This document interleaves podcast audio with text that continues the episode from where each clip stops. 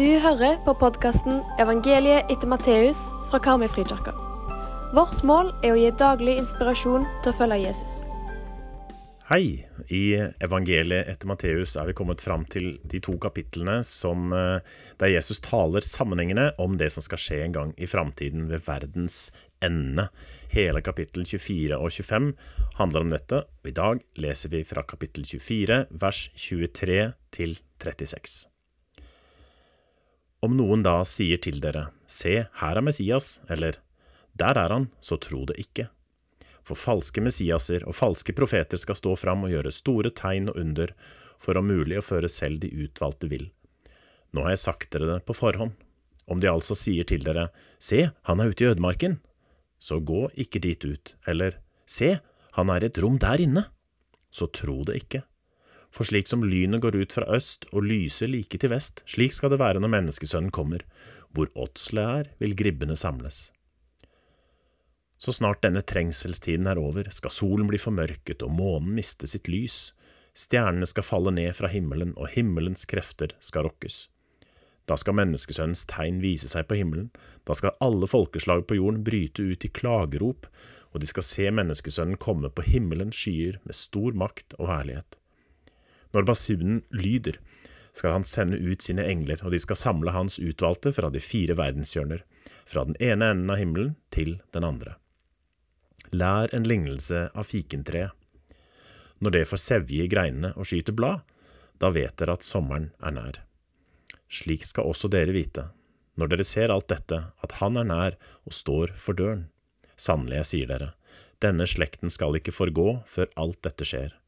Himmel og jord skal forgå, men mine ord skal aldri forgå. Men den dagen og timen kjenner ingen, ikke englene i himmelen og heller ikke Sønnen, bare Faderen. Dette er Guds ord. Ja, jeg vet ikke hva slags forhold du har til endetida.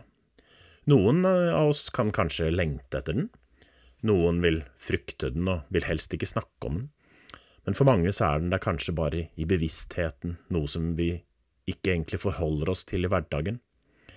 Hvor er du hen i forhold til endetid? Tolkninger og spekulasjoner omkring hva Jesus sier her, når det skal skje, og hvordan det vil se ut når det skjer, har frista mange predikanter og andre ut på glattisen for å sette dette i perspektiv og være den som varsler.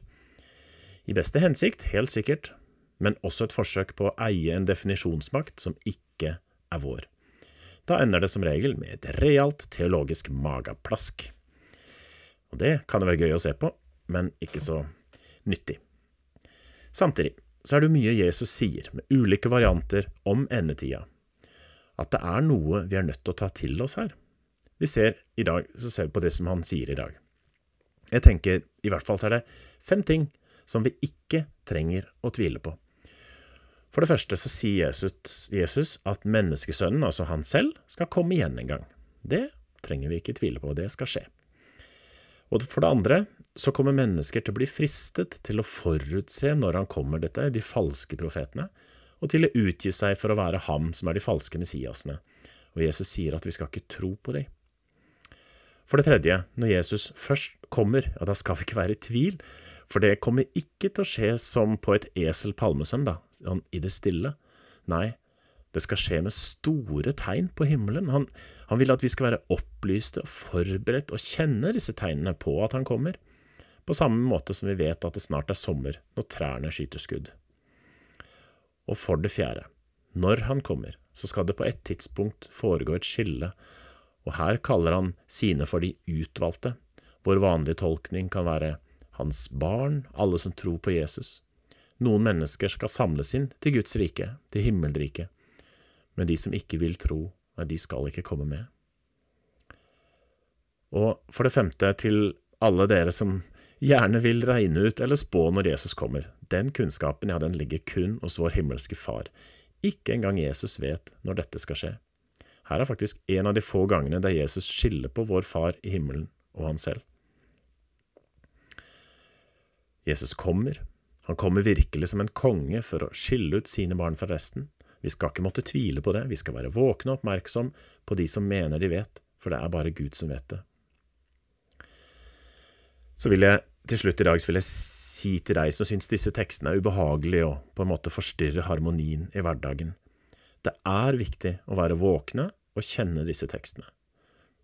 Vi kan gjerne slippe å fintolke dem, i hvert fall ikke alle, men vi skal være klare. Vi må snakke med barna våre om dem, med andre rundt oss, men uten frykt og ikke med å skape frykt.